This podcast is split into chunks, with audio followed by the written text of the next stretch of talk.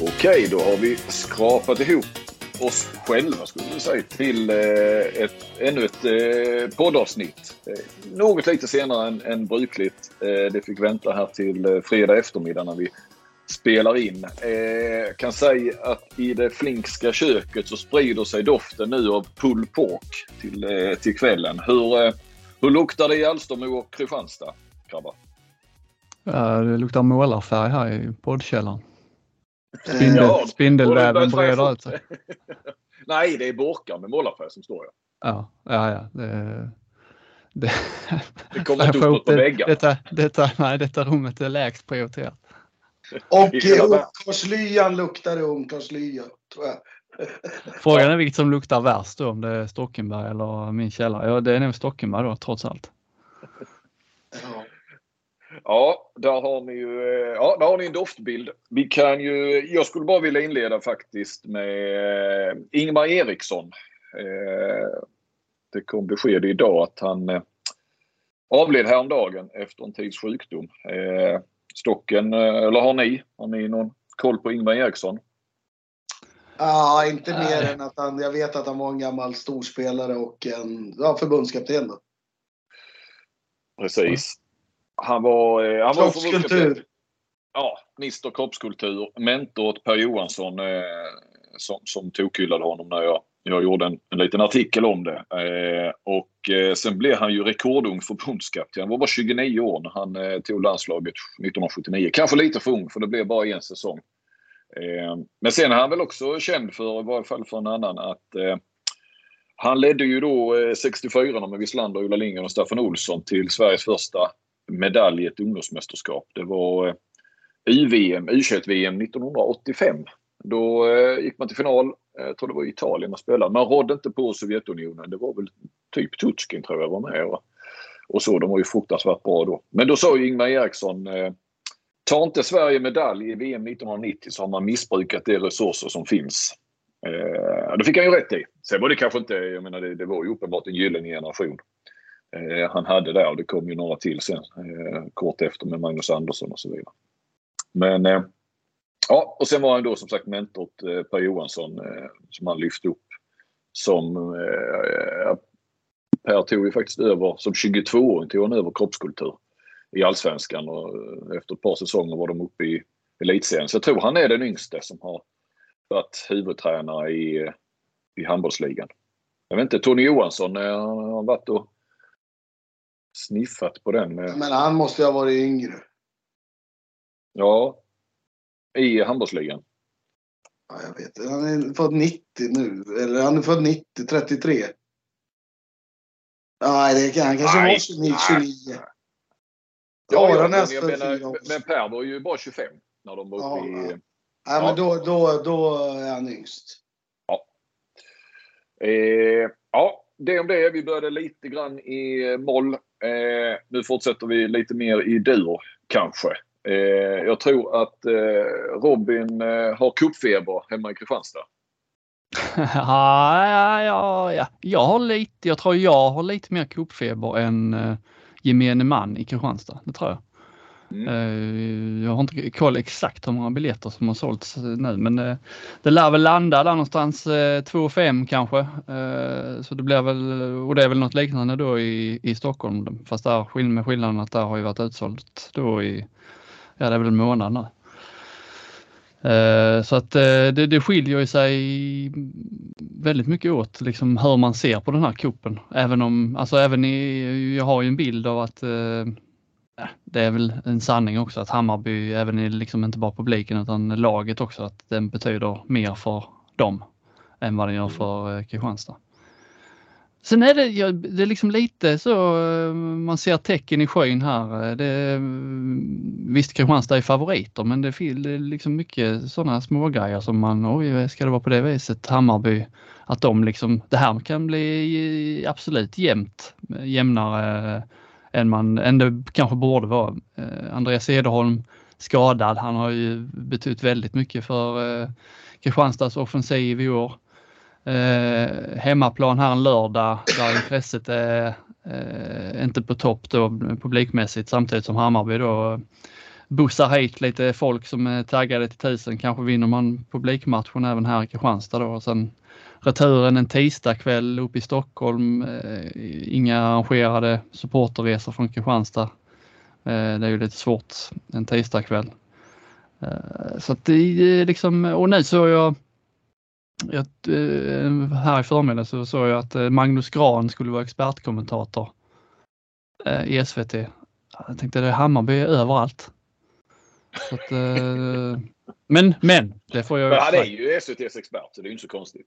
Ja, men ja, det hade ju, det, det, det är inte han som ska kommentera. Det bara stod på den här, jag kollade upp detta, ringde deras sportchef SVT. Det, hur tänker ni här med Gran som är styrelseaktiv där i ett finallag, ska han kommentera samtidigt? Hur är det med opartiskheten hos ah, statstelevisionen? Ja, ja, ja. Han är fortfarande så inblandad, ja det är han det borde jag veta. Ja. Ja, jag läste din text faktiskt. Jag började googla. Jag tänkte, sitter han i styrelsen? Så hamnade jag i ditt dokument där. Mm. Men du skrev inte så mycket exakt vad han hade för roll nu. Det var mer liksom vad som, hur de lyfte Hammarby. Men han sitter i styrelsen enligt, eh, enligt Hammarbys hemsida. Ja.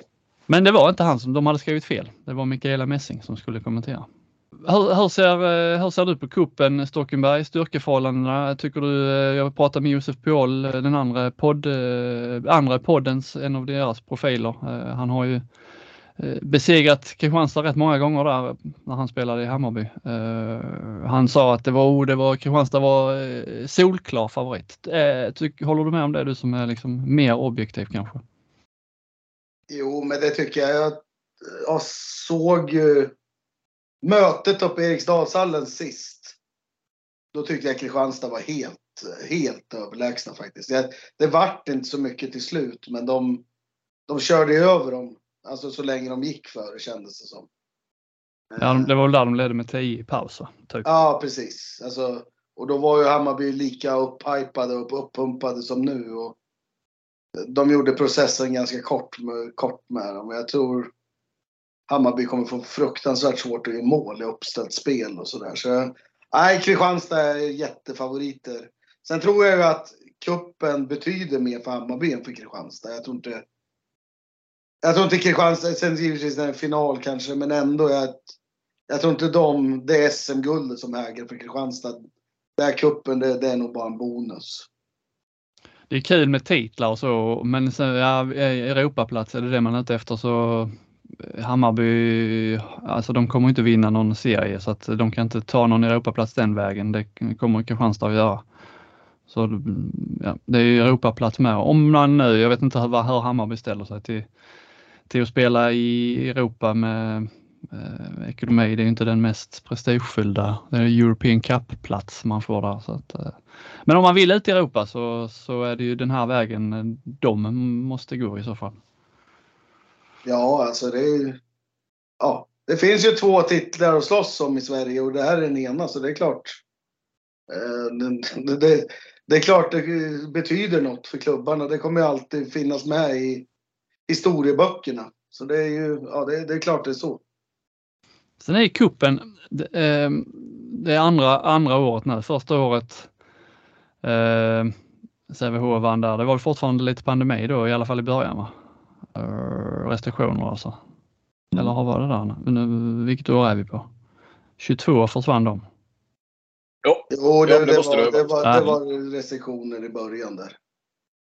Ja och sen eh, nu det här året, det är ju lyckosamt tror jag för kuppen att det är just Kristianstad och Hammarby. Eh, alltså ur publikmässiga skäl. De har ju ändå gjort vad de har kunnat för att för att pumpa upp intresset inför finalerna. Eh, och det behöver ju kuppen. Nästa år är det ju Final Four som gäller och hur nu exakt det kommer att se ut, var det blir och hur det blir. Men eh, det, det är liksom fascinerande hur man, det känns som att förbundet och Svenska Elithandboll, de väl, jobbar väl lite ihop här. De tar inte tillvara på, de, de lyckas liksom krångla till det för sig hela tiden. Det här med ja, dels en cupfinal i mina ögon. Alltså om man ser fotboll, ja då är cupfinalerna singelmöte. Där tycker jag det skulle varit här också. Men nu när det ändå är dubbelmöte, att man liksom har lyckats då fibbla in ett landslagsuppehåll emellan över två veckor mellan matcherna och dessutom lägga den andra matchen en tisdagkväll då i, i Stockholm. Det är ju, jag tycker det är ju eh, misshandel och av produkt och eh, obegripligt. Eller det är ju begripligt. Eh, det finns ju förklaring att de, ja, men vi blev lovade att vi skulle eh, sändas i SVT 1 eh, på, på den där tisdagskvällen då. Men eh, tycker ni att det är värt det? Alltså, vi lägger en, vi lägger en cup, cupfinal en tisdagkväll av den enda anledningen att man ska få synas i SVT. Nej, det kan det inte vara i dagens eh, alltså tablå-tv är ju ändå Visst, det, där är väl några som såklart vill se. Men jag menar alla har ju, är det Kunskapskanalen istället? Den har väl alla ja. ändå? Så det är inte det att man inte har kanalen. Nej, det är liksom, det streamas ju.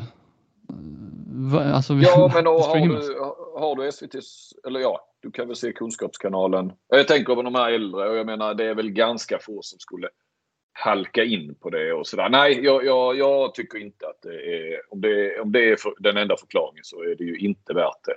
För att man ska ha i, i stora SVT alltså. Nej.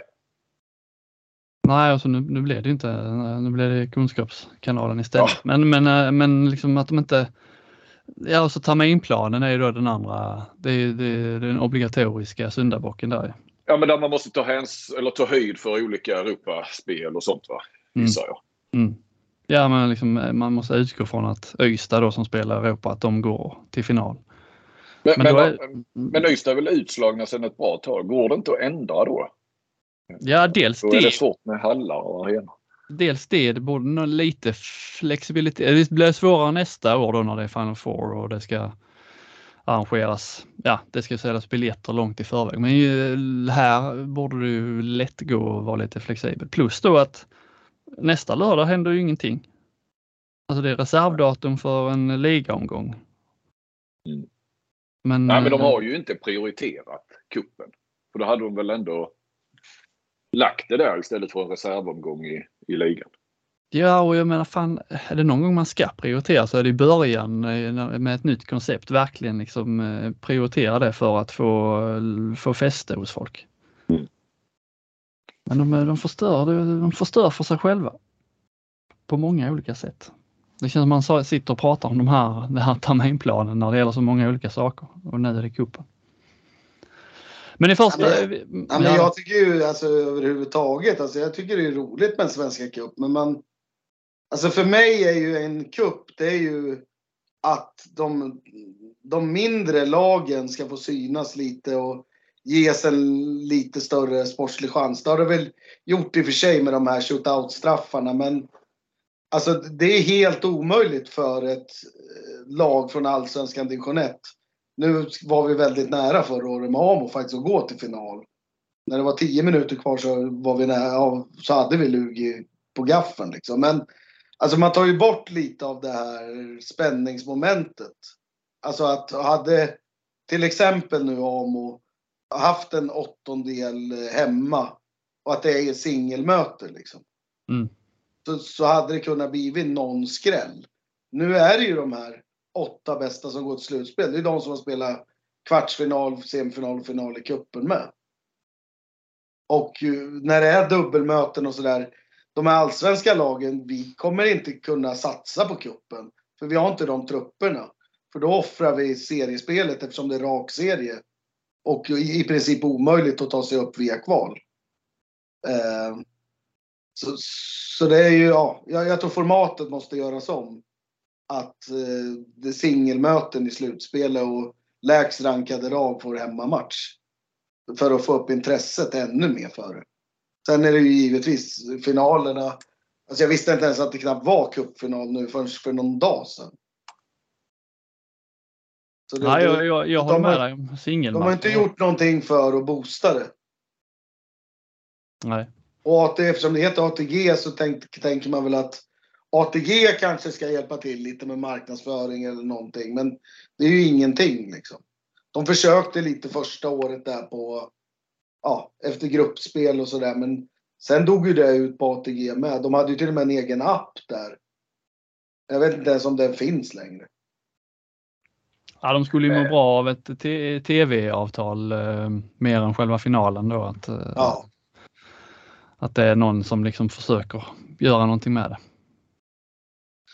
Ja, det känns väldigt eh, offside faktiskt, den här kuppen överlag.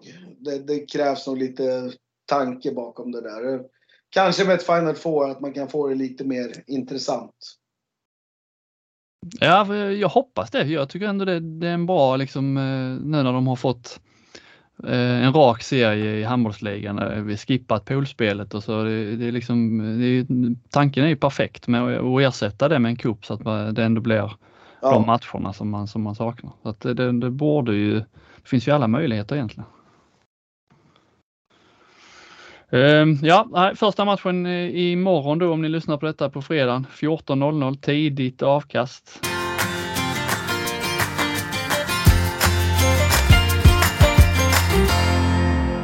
Vilja, vi har inte pratat om det här i podden va? Det här med Önnereds eh, trashtalkande slash hot eh, mot, eh, eh, mot Lugi där, det har vi inte va? nej. Det var ju ett tag sedan. nu. Det mesta har väl egentligen redan sagts och skrivits. Eh, Charlie Sjöstrand där i den andra podden tyckte han hade en rätt bra krönika där, GP, om, om ämnet. Det har hi- himla hallå efter det. Eh, va? Det handlar väl egentligen om två sidor. Hur man ser på, eh, på sportslighet eh, i handboll, var gränserna går och så. Eh, tyckte ni bara kort, vilken sida stod ni på? Alltså jag, jag har inga problem med trash talk. Sen får det inte bli hot liksom på någonstans. Alltså, alltså lite små trash talk tycker jag det tillhör. Alltså tittar du NHL och NF, NFL och liksom. Det, det är därför det görs lite intressant. Att det byggs upp någonting eh, mellan spelare och ledare och, och klubbar. Alltså, jag tycker det, det är helt okej. Sen om man börjar hota någons familj eller något sånt där. Eller att nu ska jag slå näsben av dig. Då, då är det ju... Då tycker jag man har gått över gränsen. Men lite trash talk liksom. Kommer du in här kommer det ju ont. Liksom. Ja, jag, jag eh, har inga problem med det. Ja, jag, jag, eh, trash talk tillhörde lite grann. Jag är väl stort sett på din sida där Stocken. Eh, jag tycker också att just lite grann när det handlar om hjärnskakning som, som det var i Theo Ybelackers fall. Han har varit borta i fyra månader. Det är så, det är så jäkla lömskt med de här hjärnskakningarna. Eh, det har vi ju blivit varse de senaste åren. Så där tycker jag det är... eh, det blir så... Eh, jag vet inte. Ja, eh, där tycker jag man går över gränsen eh, på det viset. När eh, de är medvetna om att han har varit borta och det krävs så lite för en, egentligen för en ny hjärnskakning på sätt och vis. Det är ju lite grann som en, kant, en etta skulle säga till en som precis kom tillbaka från en svår axelskada. Att hoppar du in här så kanske jag drar dig i axeln ungefär. Det blir så tydligt. Eh, ett korsband, man kommer tillbaka om ska värdera det. Det är liksom svårare för, ett, förs- för en försvarsspelare att, eh, att kommer du in här så ska jag dra korsbandet på dig. Eller, knä- alltså det gör man ju inte men, men eh, att ge någon en hjärnskakning, eh, ja kanske, jag vet inte. En armbåge räcker kanske inte. Men, men eh, jag är inte så hemma på det. Men eh, ja, ni förstår vad jag menar. Det, det, jag tyckte det, liksom, det blev lite otäckt när det blir eh, när vi snackar eh, hjärnskakningar och hur jäkla jobbigt det måste vara att drabbas och vara borta eh, på grund av en hjärnskakning. Korsband är ju fruktansvärt men där finns det alltid en tydlig plan. Eh, och man vet när man är borta. Ja, men Ja. du, pratar, du pratar som att de ju, faktiskt gav honom en hjärnskakning. Det var ju ingen som gjorde det. Nej, nej, nej, men hotet om det. Nej, nej, det var ingen som gjorde det. Jag tycker, jag tycker att det blir lite att, att man hotar kring en hjärnskakning. Eh, men det var ingen som gav honom. Det är ju, det är ju helt rätt. Så då har ju ingenting hänt på sätt och vis. Så ja, nej, det är ju där. Var, är- var, var går gränsen? För trash talk, för hot eh, och Sen, verkställande. sen är det ju inte grabben själv från början utan det kom ju genom ett Facebook-inlägg från hans pappa. Ja, han hade ju förmodligen bara nämnt det för sin farsa ju. Och hade min pappa gjort så hade jag nog förmodligen inte haft kontakt med min pappa mer. Nej, Nej. Nej, men ja, jag... Nej, Så, som det snappades då upp av eh, liksom lite Twitter-profiler får man väl lov att säga med Peter Möller och eh, Emma Ja, och det anmäldes ju också, Lugi anmälde ju också till... eh, Ja, ja, senare, men det blir ju först en, en, liksom, en, en viral grej nästan. Ja. Själva det händelsen eller icke-händelsen. Det var ju ingen händelse. Inlägget och så vidare. Och hoten, om det nu var hot. Och sen anmäldes det ju. Och där kan man väl diskutera just anmäla. Ja, det kanske är löjligt och det, det är att anmäla det, men jag menar, Lugi var väl ganska tydliga med att de som en hel del sådana anmälningar är lite att man vill testa och se var gränserna går. Man vill testa eh, det juridiska, man vill testa rättsväsendet på något vis. Eh, det kan väl alltid vara intressant i och för sig. Eh, sen, eh, nu är vi inne på juridiken och då bollar jag gärna över till dig Robin. För det var väl du skrev väl det någonstans att skulle det här på något vis bli någon fällande dom så har man ju målat in sig i ett hopplöst hörn. Ja, det kan det ju aldrig bli. Jag har inte sett någonting om om det har liksom avslagits eller... det finns ju inga bevis. Det, det finns inga bevis alls liksom. Nej. Nej, men det, det, det jag egentligen ville fastna lite kring var ju eh, Emme Adebo. Han är väl eller gammal Lugi-profil och har jobbat där. Nu är han eh, utvecklingschef eller utvecklingsansvarig på eh, Handboll, Handboll Syd heter det va? Gamla Skånes handbollsförbund mm. helt enkelt. Han hade ju ett långt eh, ett, ett långt brandtal kan man säga på, på eh, LinkedIn där han skrev om eh, handbollens värdegrund och att den sätts på sin spets. Det var ju Ja, det var långt, jag ska inte läsa upp allt, men det, det handlar liksom lite om eh, matchfixning och dopning och eh, andra samhällsfaror skriver han. Eh, han nämner och tar upp att det är hajaklackor i handbollen som har skriker fula saker och så eh, jag tyckte det var lite fascinerande. Jag fattar ju att det här, även om det inte bara handlar om det här med trash talken mot lig och så, så, så är det ju det är ju uppenbart att det är därför eh, det här brandtalet kom till. Och liksom det, jag köper inte det att handbollens värdegrund sätts på sin spets helt nu helt plötsligt för att eh, någon har eh, varit taskig mot, eh, mot Lugi. Alltså, Nej men alltså tittar man om vi nu jämför med fotboll när det står, kan stå 20 000 Hammarbyare och skrika om Gudettis frisyr liksom. Alltså. Mm. Ja, jag, jag, tycker bara hans inlägg, det liksom bekräftar lite vart, hur, hur Lugi är som förening. Alltså varför det går som det går för dem. Alltså fokusera på att vinna matcherna och bli bättre istället. Ja, och jag menar det här med match... jag, jag är inne på det i alla fall. Ja. Matchfixning och dopning och jag vet inte, dopning har stått det. Skulle ha stått jag kan ju ta ett exempel med Lugi. Alltså de hade ju en, den största grisen som fanns i, under 5-6 år. Jakob Wikman Modig. Det var den största trashtalken och grisen som fanns i ja, hela... Den, den, ja, den, den, det skrev ju om och Dan Beutler pratade ju om det där och han sa att han hade ju aldrig varit med om något liknande Nej. under... Alltså, med trash talk fanns ju inte i, i Bundesliga eh, menade Nej. han i stort sett. Eh, och vem var det nu? Det var väl i avkastpodden också. Var det Charlie som pratade om egna erfarenheter eller? Han skrev han hade... om det framförallt. Ja, han pratade kanske om det också. Han skrev... Ja, det, som i Bundesliga förekommer nästan inte trash talk. Nej, Nej jag menar det... Liksom... och, jag kan känna så här. Jag, jag kom in i elithandbollen egentligen första gången när jag var assisterande i Alingsås. Och då hade vi ju kanske de tre, först, tre fyra största trashtalkerserna som fanns i svensk handboll då. Alltså Glenn Andersson, Christian Blissnack, Gustav Rydegård. Alltså det, det var ju riktiga... Det var ju var och varannan match liksom. Där, där, där de satt, där satte det i system. Liksom. Gjorde inte du till med någon grej med Wickman Modig-Flink eh, just med trash temat Ja, absolut.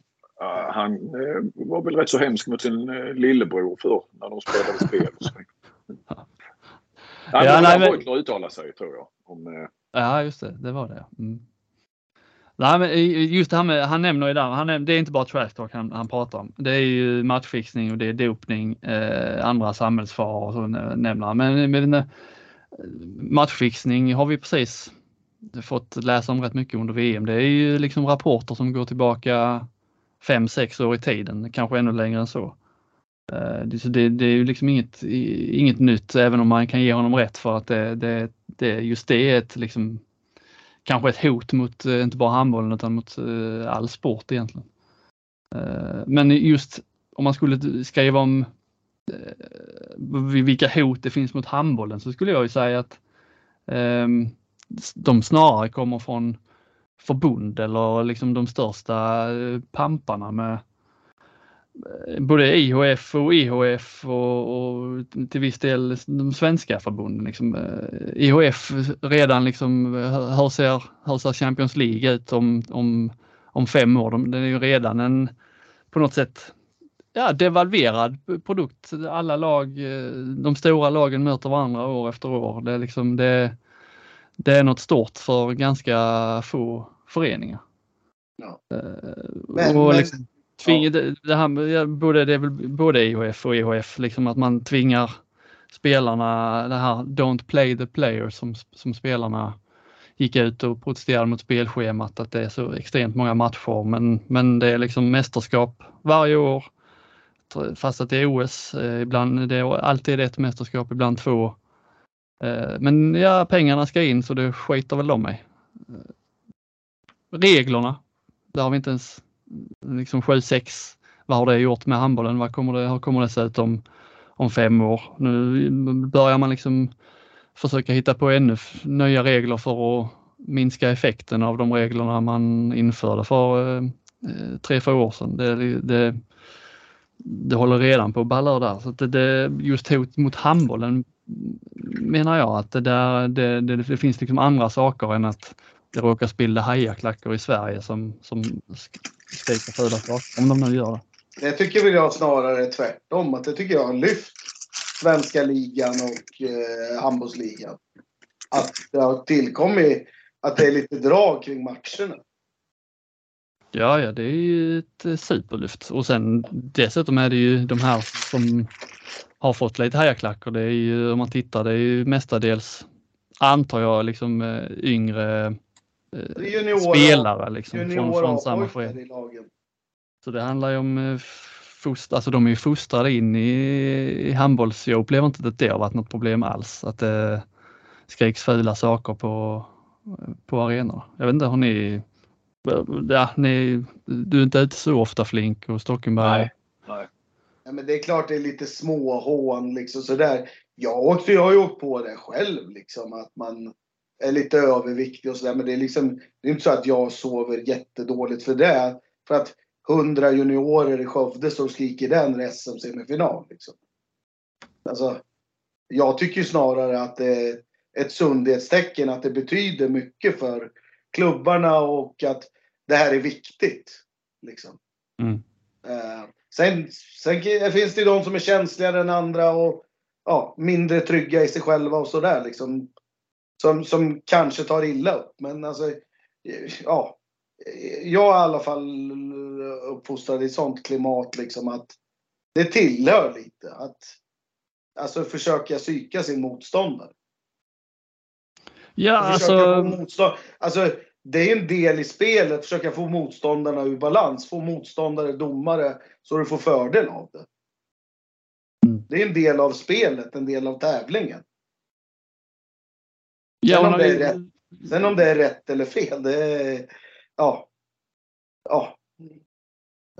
Ja, det, det lägger jag inga värderingar i egentligen. För, för Nej, mig, alltså, för ja, mig så tillhör det i alla fall. Liksom. Ja, jag, håller med. Jag håller med.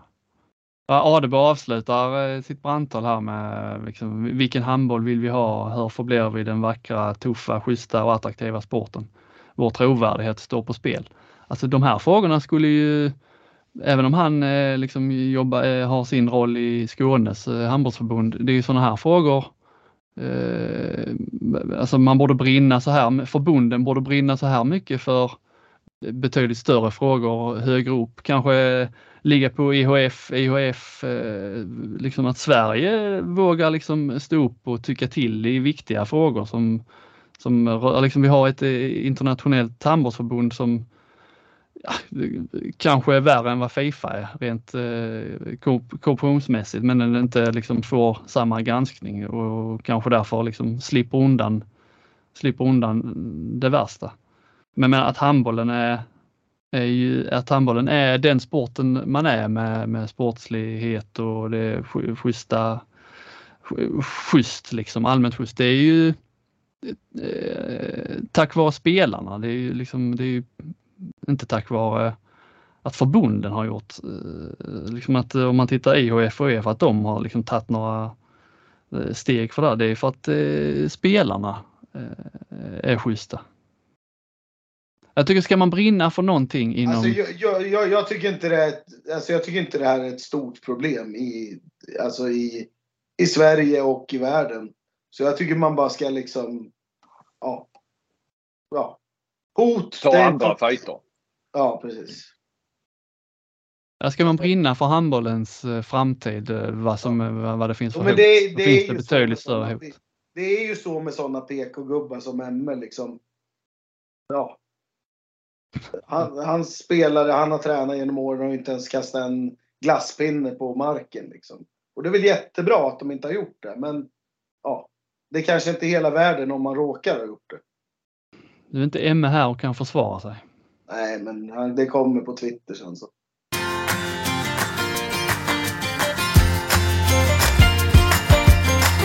Vi eh, pratade väl för någon podd sen, jag kommer inte ihåg om det var den senaste eller någon dessförinnan, om Christian Blissnack. Eh, tror vi kom in på det här. Ibland blir man ju så här, det vet ni ju, eh, när och var man pratar om vad. Man pratar rätt mycket handboll med olika folk och var man nämner olika saker. Men jag tror att det var i podden vi nämnde med Blissnack och eh, ah, som, som kanske liksom har maximerat sin karriär på, på, på något sätt.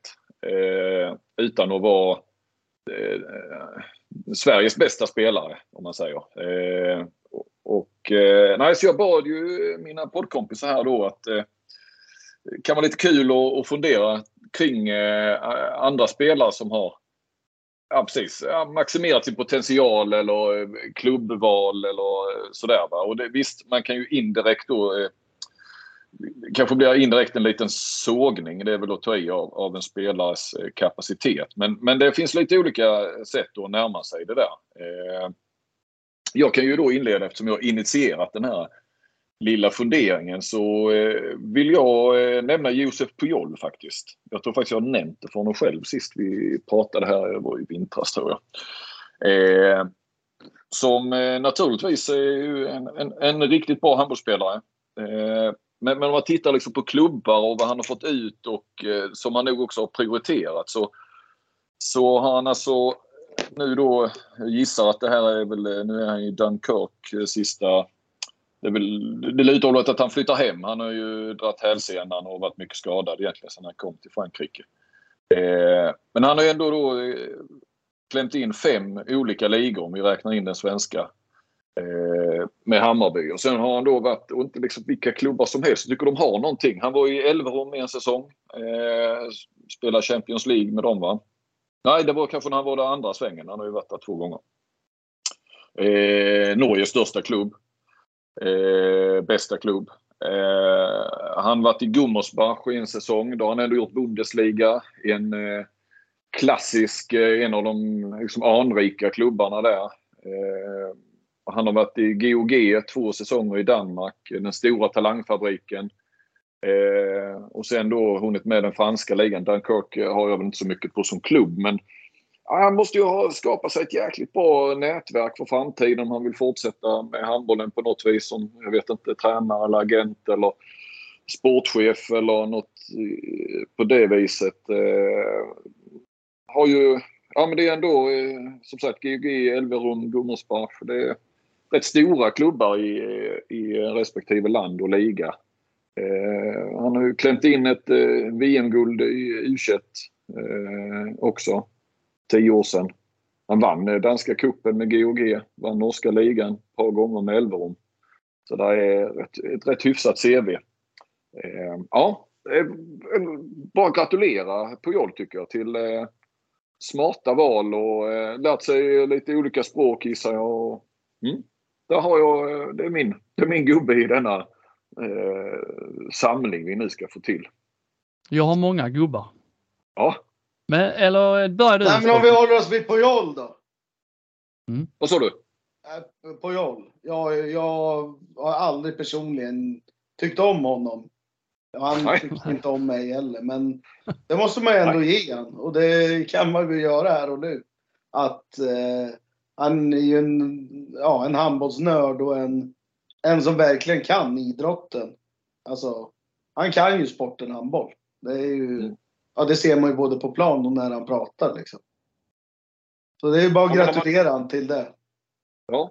För när man hör honom också prata i avkastpodden så är ju, han har ju, spel, han har ju mött de flesta.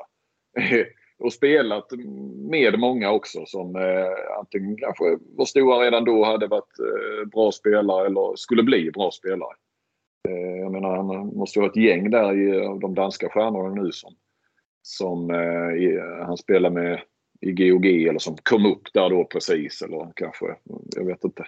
Nu kan jag inte Pytlik om han var där som från början liksom eller eh, så. Man måste ju eh, eh, träffa på honom när han var junior i varje fall. Pytlik. Ja, Gidsel vet jag garanterat att han har till och med spelat med. ja, precis. Så eh, ja, det, han har någonting att bygga på där Piol. Vad är stocken? Ja, har, ja. Ja, men jag ska jag ta då. Jag, när, jag, eh, när, jag, när du försökte sälja in idén så tolkar jag, jag eh, gör min tolkning att det är spelare som eh, Alltså min tolkning stämmer kanske inte riktigt in på Josef Piol. Alltså, du hade ju din motivering där som, som. Jag, jag tänkte nog mer också som du Robin, lite knöliga spelare. Man tycker inte de är mycket för världen. Nej, men alltså som spelar Alltså- på en nivå där de egentligen inte borde kunna spela. Lite så tänker jag. Alltså Mm, ja, jag de var ju har- lite feg där då och tog på Joll utifrån det. Ja, det var ju fan, det- han är ju nästan överkvalificerad till det här gänget tycker jag. Ja, fast jag har ett namn. Ska jag, ska jag ta mitt namn? Ja. Som, eh, en Ja. som har maxat. Albin Lagergren. Eh, för när han spelade i Kristianstad de första åren där och, och eh, så tänk, jag minns att jag tänkte, jag har säkert skrivit det, men jag tänkte det här är liksom en det är en perfekt spelare för Kristianstad att ha. För att han kommer vara andra valet på högernie alltid. Han kommer aldrig att eh, bli tillräckligt bra för att någon proffsklubb ska, ska vilja värva honom. Och han är liksom för bra för allsvenskan. Han, han är ett perfekt, eh, en perfekt spelare att ha som nummer två på en position i ett topplag i, i handbollsligan. Ja, och vad hände sen? Ja, du helt fick plötsligt. fel. Ja, det kan man lugnt säga. Men alltså, eh, han borde ju inte kunna vara Alltså jag vet inte om han har haft tur lite för att handbollen har utvecklats på ett sätt som har passat honom suveränt. Eh, Men, men när han kom fram, när han kom de första åren där i Kristianstad så var, fanns det liksom inte på kartan att han skulle bli en av världens bästa högernior.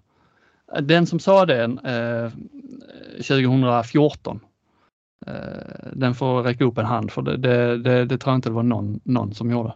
Alltså då skulle man vara en högernia, då skulle man vara skytt, man skulle vara stor. Eh, eller man skulle i alla fall ha någon, någon form av spetskompetens. Ja, fys, alltså anti, jättesnabb, Ja, jättestark. som syns tydligt. Ja. Ja. Ja. Det hade ju inte han. Det är bara att fråga RIK. De, de valde ju att göra sig av med honom. Ja. Och, Eh. men eh, han har liksom snackat om att han har maxat sin karriär och haft lite tur då med att eh, just han- att handbollen har gått åt hans håll så att säga med just smartness och eh, spel, alltså bollsläpp. Det vi, måste vi nämna. Men, men, men han har kanske varit med och utvecklat det också. Kanske det också ja. Alltså att han, eh, han har ju visat att, att det går. Han var ju ändå rätt tidig ändå. Eh, det känns ju som Magnusson och Gitzel och de här har ju definitivt kommit efter. Eh, sen har han väl inte haft riktigt flyt med, med klubb så sett. Alltså han, gick till, han lämnade ju Magdeburg och gick till Rhein-Neckarlöven när Rhein-Neckarlöven blev dåliga. Och då blev Magdeburg bra. Nu ska han ju tillbaka dit så att... Eh, Mm. Ja, för, men Ma- Magdeburg var ju rätt bra även när han var där. De vann inte ligan Ja, ja. men, men de... Nej, och de spelar inte Champions League och så ju som de har gjort nu. Men, eh, men, men eh, absolut, och han har ju varit med nu här ju i hela den svenska, ja egentligen sedan 2016 mer eller mindre, men, men alla de här medaljerna och så. Det var ju många mästerskap han fick lämna i förtid eller var borta i många matcher och så vidare. Men, eh, under Solberg har han ju i princip kört nonstop ju. Eh, nej men han, det var väl liksom någon som i alla fall är samma, på samma spår som Piol. Annars, annars har jag bara försvarsgeneraler. Ja, Alltså de här, de här spelarna som, eh, ja, de är ju inte handbollsspelare egentligen. Utan de är de har en tränare som ser någonting i dem som ingen annan ser.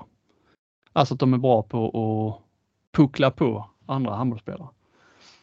Um, Hampus Henningsson i Kristianstad hade jag aldrig varit, hade aldrig spelat i, han spelade egentligen i division 1 med Vinslöv. Eller om, om de hade gått upp i allsvenskan hade de kanske. Uh, och var liksom, ja, han var ju högernia då men han var ju liksom ingen, uh, ingen toppspelare i, i allsvenskan. Nu är han helt plötsligt kan han liksom Men samtidigt ta, ta innan det så var han ju starter i Lugi. Han var ju Axnérs ja, var han, ja, det var en säsong var han kanske det. Men det är väl snarare tvärtom då att handbollens utveckling har om det har lyft Lagergren så har det sänkt den typen av spelare. Men det är ju lite så, är du två meter och vänsterhänt så handbollen är ju inte så stor liksom. Det räcker med att du kan kasta en boll. Så spelar du i alla fall i den högsta ligan om du är två meter och vänsterhänt. Mm. Så, ja. Tobbe Karlsson, eh, ett annat eh, exempel på en spelare som maxade sin karriär genom att vara, bli jäkligt bra försvarsspelare fast att han liksom inte riktigt höll. Han hade ju inte spelat i de klubbarna som han gjorde och haft de framgångarna om det hade varit en riktig, jag säger riktig inom det håller jag ju inte med dig, för jag har ju sett han när han hade en frisk axel. Så var det... Han, ja. han var ju bättre än Kim Ekdahl Duré som handbollsspelare. Alltså, även ja. fast han levde på sin fysik. Offensivt med. Men han hade ju ändå lite, ja. Lite spelkänsla menar du? Nej, det hade han ju inte. Det hade han ju inte. Men han, ja. Han, han tog ju tillvara för att han fick ont i axeln. Men han var ju en av de stora grejerna att Hammarby lyfte. Liksom. Jo, jo, ja alltså i svensk handboll så var det ju absolut, men eh, jag menar han hade ju inte jag menar ju att han hade ju eh, aldrig, han hade ju aldrig varit landslagskapten, han hade aldrig varit, eh, haft de här, den här karriären han hade haft om han inte hade blivit en bra försvarsspelare. Nej, nej, nej, så kan man ju se det. Eh, vi har ju, ja men då har jag, då har jag kanske ett eh, bättre exempel. Hugosson, han i Ystad, kommer ni ihåg han försvarsspelaren? Alltså Herman Hugosson? Ja. Ja. ja. Maxade sin karriär. Var väl ärligt talat ingen handbollsligaspelare. Men han maxade sin karriär för hans pappa är största sponsor i Ystad. Liksom. ja. Han var ja, inte, ja, där har jag ingen insyn. Det är möjligt att det är så. Han var ju inte med i den truppen på grund av sina handbollsmässiga. Utan det var ju, ja, tror jag, mycket att pappa stoppa in lite pengar i Ystad IF. Fan, nu har ni, ni har, ni har inte riktigt köpt något av mina förslag. Nej, vi skjuter ner varenda men har vi ingen, ja, men... annan, har vi ingen annan eh, försvarsgeneral då, som ni men, kan slänga in? Men Hugosson, det går väl i utmärkt exempel. Det var ju bara att ja, men det, det hade Stockenberg ju bara i om anledningen så att säga. För mig hade det varit mer Max Darg. Han har väl någon, om någon, maxat sin... Alltså... Ja, ja, det håller jag med om helt. Eh, han spelar ju kanske i ett av världens bästa lag nu. Mm. Och är lagkapten i ett av världens bästa landslag. Ja, han, eller vice lagkapten. Ja. Han tycker jag egentligen är bättre exempel. Och har tagit SM-guld med Allingsås och liksom ja, gick från, kom från Stenungsund som en halvdassig junior. Fick aldrig vara med på några läger eller någonting liksom. Jag håller med om det. Vad säger ni om jag kastar in Juan Canellas här då? Det är ju en spelare som inte har någon talang på någonting överhuvudtaget. Och ändå så är det liksom världsmästare. Det är ju personförföljelse nu snart på Canellas. Ja men han, det måste ni väl hålla med om? nej, alltså han om någon har ju talang. ja, jag vet inte. Men det är ju makalöst. Den, den, har jag återvänt till ett par gånger. Det är en makalöst eh, klubb-CV han har, eh, Canellas. Alltså. Han har ju för fan spelat i nästan alla Eh, alla de stora klubbarna. Ja. Eh, och i olika ligor och eh, Champions League och hur många Final Four som helst. Och, och nu njuter han väl lite i kadetten Schaffhausen va? i Schweiz. kommer ihåg Ola Lindgren sa det tidigt. Det var nog nästan han var förbundskapten sen. Att, ah, det hade varit gött och, eh, han, så, han, han, kunde se sig själv i kadetten Schaffhausen som, mm. som tränare. Lite så, inte så höga krav. Och, eller om det var när han var i rhein där kanske. Och liksom gött, tjänar bra, bor i ett eh, skönt land. Eh, ja, kan sympatisera med det ju. Men, men eh, Ja, men Canellas... borde, när du tittar på Canellas så borde det finnas tusen andra spelare med hans eh, kvaliteter. Ändå är det liksom Ändå är det han som har de här meriterna. Jag kan inte begripa det. Jag begriper inte varför, var, varför han är där han är. Var, varför man inte bara kan eh, som försvarsspelare hantera en sån spelare. Eh, ja, jag fattar inte. Han har maxat sin karriär. Ja, Stockenberg, nu vill vi höra dina... Jag kan slänga in en också lite grann ändå. Nu har han ju alltså Fredrik Pettersson också. Sett till... Eh, eh, nu var ju inte... Han, han, alltså han värvades ju ändå till, till eh, Eh, Montpellier. Dels var han ju med, med IFK Kristianstad och, och, och under storhetstiden där. Sen drog han till Toulouse och sen värvades han av Montpellier när de precis hade blivit Champions League-mästare. och Gjorde väl en eller två säsonger där, sen tillbaka till Toulouse. Men som sagt, åtta mästerskap. Eh, och varit med om alla de här medaljerna ändå. De här tre medaljerna de senaste fem åren och så. Eh, utan att spela särskilt mycket i landslaget, det vet vi. Ja, det var, det var väl mitt eh, bidrag. Till. Eh, Pettersson, han har ju slutat i landslaget nu. Eh, jag satt ju med honom och gjorde en intervju på någon av de här pressträffarna under VM. Ja, och vi snackade framtid och så. Han sa han skulle flytta hem, men det blev inte, förmodligen inte mer spel och så. Och, ja, och sen när jag kom hem och lyssnade av bandet så satt jag liksom och väntade på att min följdfråga skulle komma. Ja, då blir det kanske sista lands, landskampen för dig här imorgon. Men den kom aldrig. så jag, det, så jag messade. Wander där och fan jag glömde ställa en given fråga till Fredrik Pettersson. Om det här kan bli hans sista landskamp. Kan, kan man få liksom, kan du lösa detta på något sätt så att man så jag kan ha med den frågan? Nej, och svaret dröjde han missade väl att jag hade skickat, han brukar svara snabbt annars, men eh, han hade väl missat. Nej, så det fick, jag skrev en eh, text med, jag kommer inte ihåg vad, det var en annan vinkel. Ja, och sen eh, slutade han ju i landslaget. Han hade förmodligen inte sagt till mig att han skulle sluta i landslaget ändå, men det är ju störigt att det blev som det blev. Jag pratade med honom rätt tidigt eh, i, i eh, under VM och gjorde ju en grej där att han alltid, alltså åttonde mästerskap och alltid ifrågasatt av eh, ja, typ Stockenberg och sådana. Eh, men då fick jag intrycket att eh, nej, han var inte nära att sluta. Nej, han eh, sa ju till mig så länge landslaget kallar så kommer jag att spela. Eh, liksom. Ja, jag, jag, har du funderat på att tacka nej någon gång? Nej, för mig är det världens största ära att representera Sverige. Känner man sig fräsch och kan bidra så tycker jag att man ska tacka ja. Alla som spelar handboll drömmer om det här och då tacka nej. Nej, det finns inte. Sen gick det två veckor. Eh, men, men eh, ja, så jag hade inte fattat det. Han har ju för fasen tre barn från sex år neråt någonting. Eh, då kan man ju också förstå att man börjar fundera. Man, ett hemmamästerskap vill man ju vara med om såklart. Men det, då hade jag också, eh, kanske tidigare än, än vad han har gjort, funderat på att, att faktiskt tacka nej om man får spela 58 minuter. Vara borta i en månad och spela 58 minuter. Mm. Eh, Stockenberg, nu vill vi ha dina sådana här eh, maxade Nej, vi, vet, vi vet ju om dem. Jag skrev ju dem i gruppen. Jag tänkte ja, men det vet ju inte liksom lyssnarna. Inhemska spelare som jag tycker har maxat som som har fått vara med om mer än vad jag någonsin trodde när jag såg dem som ungdomsspelare. Liksom. Och då, då är det ju först, du tog ju hans kusin, men jag tycker ju Filip Henningsson har ju verkligen maxat sin karriär med tanke på hur bra han är som handbollsspelare. Ja, han fick ju ett proffsår med ju. Ja, han var ju med i Wetzlar. Var ändå världens största liga. Och vad var det? EM Silverflink? Ja, ja, EM-silver 2018 och ytterligare något mästerskap tror jag. Kanske. Nej, han är... Mängder med SM-guld och spelar väl i ja, Sveriges bästa klubb de sista tio åren och Champions League och allting med Kristianstad. Och från att vara en sån där man knappt vet vart han spelar. Lite överskattat mittblock, eh, Henningsson och Henningsson tycker jag. Eh, i Kristianstad.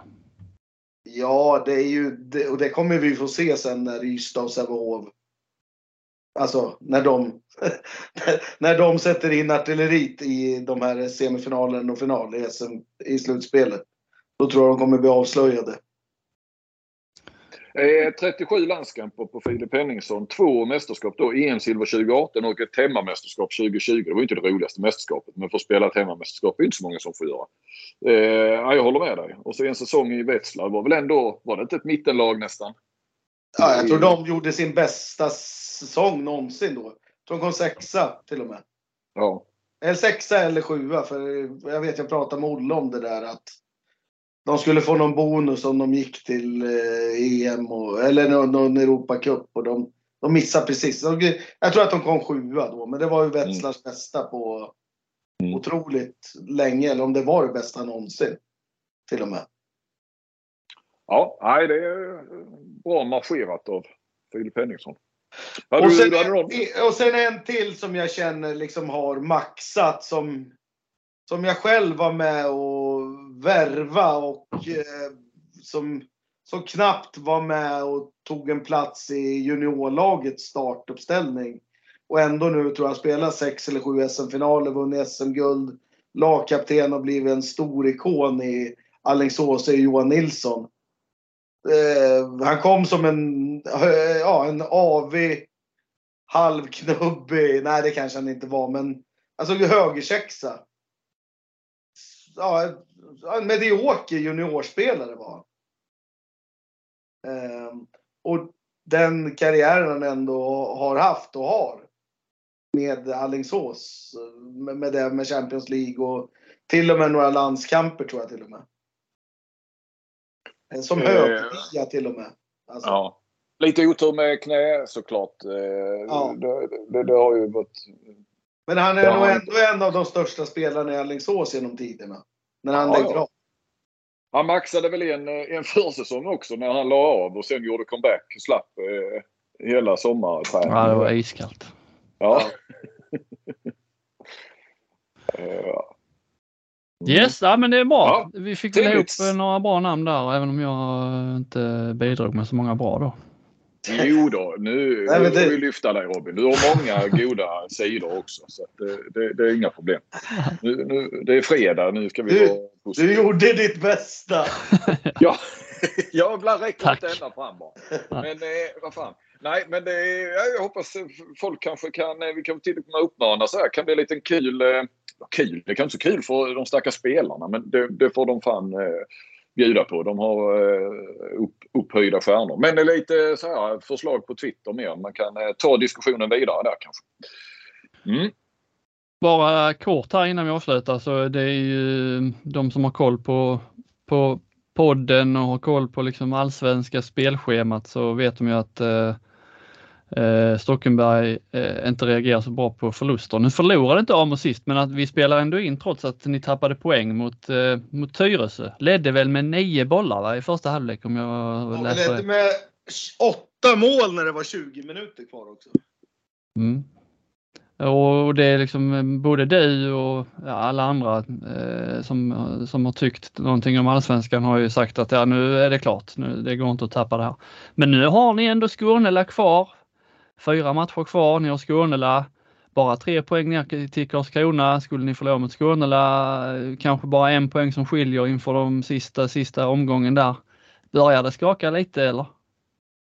Ja, man kan ju tro det, men jag tror nog det är precis som, som du säger att alla har trott att det har varit klart och att man någonstans fick en liten näsbränna nu och eh, inser allvaret. Det är i alla fall min förhoppning. Sen, sen kan väl folk tro, folk vill väl tro att vi darrar men alltså har vi förlorat en match på 22, varför skulle vi förlora två av de sista fyra? Det är ju orimligt. Plus att jag tycker att vi har väl ett, vi har tre hemmamatcher och vi har tappat en poäng hemma. På hela mm. säsongen. Så ja. Eh, du är lugn ändå? Nej, lugn är jag Nej, det är jag absolut inte. Jag är, har ångest varje dag när jag vaknar. Men eh, det är ju inte den katastrofen som många vill vill säga att det är. Jag, jag tycker att det är stor fördel Amo fortfarande. Skulle vi däremot förlora hemma mot Torslanda nästa fredag, ja då är det ju eh, då är det ju 50-50. Eh, men man ska ju veta att vi ska ju tappa fyra poäng, eller ja, fyra poäng ska vi tappa. Mm. På de här sista fyra omgångarna. Eh, men då måste ju Karlska ha hästar och de måste ju gå och vinna sina matcher också. Eh, och de har ett betydligt tuffare spelschema än vad vi har. Så det, ja. ja jag tror fortfarande på god chans men ja, man vet aldrig. Matchbollen ska slås in också. Vi har, vi har haft några matchbollar här nu och kanske inte riktigt förvaltar dem men i slutet av en serie händer mycket. Det är lag som slåss för sin existens och ja, kommer in som du säger, lite nerver och lite tankar och, och sådär. Så det, ja, det handlar bara om att göra det, inte fundera så jävla mycket. Du, ditt Amo slog ju Vinslöv här sistens. Eh, det är ju ett lag vi bevakar, Vinslöv. Eh, jag pratade med Pelle Kjell där, deras tränare efter och försökte, ja, jag såg inte matchen men jag hoppades ju att du skulle ha spelat 7-6 där i 60 minuter. Han är inte sådär förtjust för det så jag försökte ju leta lite efter någon form av eh, kritik där från hans sida, men då sa han att ni hade spelat eh, 6 mot 6 hela matchen. Lite av en besvikelse. Ja, nej men vi har inte spelat, alltså, vi, vi har spelat i perioder, alltså mot vissa lag som vi tycker vi har svårt att göra mål på. Eh, så har vi spelat 7-6, eh, men annars så försöker vi spela 6 mot 6 så mycket, så mycket som det går. Eh, men ja, eftersom det finns i reglerna att man får göra det så använder vi det när vi när vi tycker vi behöver det taktiskt. Eh, vi har själv åkt på nu både, både Tyresö som vi kryssar mot och IFK Karlskrona som vi förlorar mot har ju spelat 60 minuter 7 mot 6 mot oss själva. Så jag, jag har åkt på min egen medicin i två matcher. Har du stått och tänkt och liksom ångrat att, eller förbarmat dig över regeln? Nej, nej, nej, utan är man ett sämre lag så, så, så är ju 7-6 ett, ett sätt att kunna göra matchen jämn. Ja. Och till och med kunna slå bättre lag genom att spela 7 mot 6. Så det tycker jag är en rolig ingrediens bara. Sen att man åkt på det och fått lite tillbaka kaka själv här nu så. Men då handlar det om att bli bättre och försvara emot det, straffa det istället och. Ja. Det går inte att sitta och gnälla över det. Det finns ju i reglerna. Landslagsuppehåll nu eh, i, för, för allsvenskan. Obegripligt, eller inte riktigt landslag, men varför spelar ni inte eh, till helgen? Eh, nej men jag, vi skulle nog inte spela den här helgen. Ja, det är inga matcher. Jo, det är det, men vi skulle inte ha spelat här i helgen. Jag vet inte varför det vart så. Eh, nej, jag, jag, jag, vet faktiskt inte. Men vi, ja, vi, vi spelar fredag istället nästa fredag. Mm. Ja, ehm, då får vi försöka summera ihop detta Flink. Vi är nöjda och tackar för idag. Eh, vi är på återhörande inför nästa cupfinal då blir det ju eh, om två och en halv vecka. Ja. Två och en halv vecka? Är det så? Om två veckor kör vi väl? Ja, ja, men cupfinalen är om två och en halv vecka. Ja, ja, jo, den är ju en tisdag. Ja, ja det har du rätt. Förlåt. Ja. Ja, men det gör vi. Perfekt. Tack för idag. Tack, hej. hej. hej.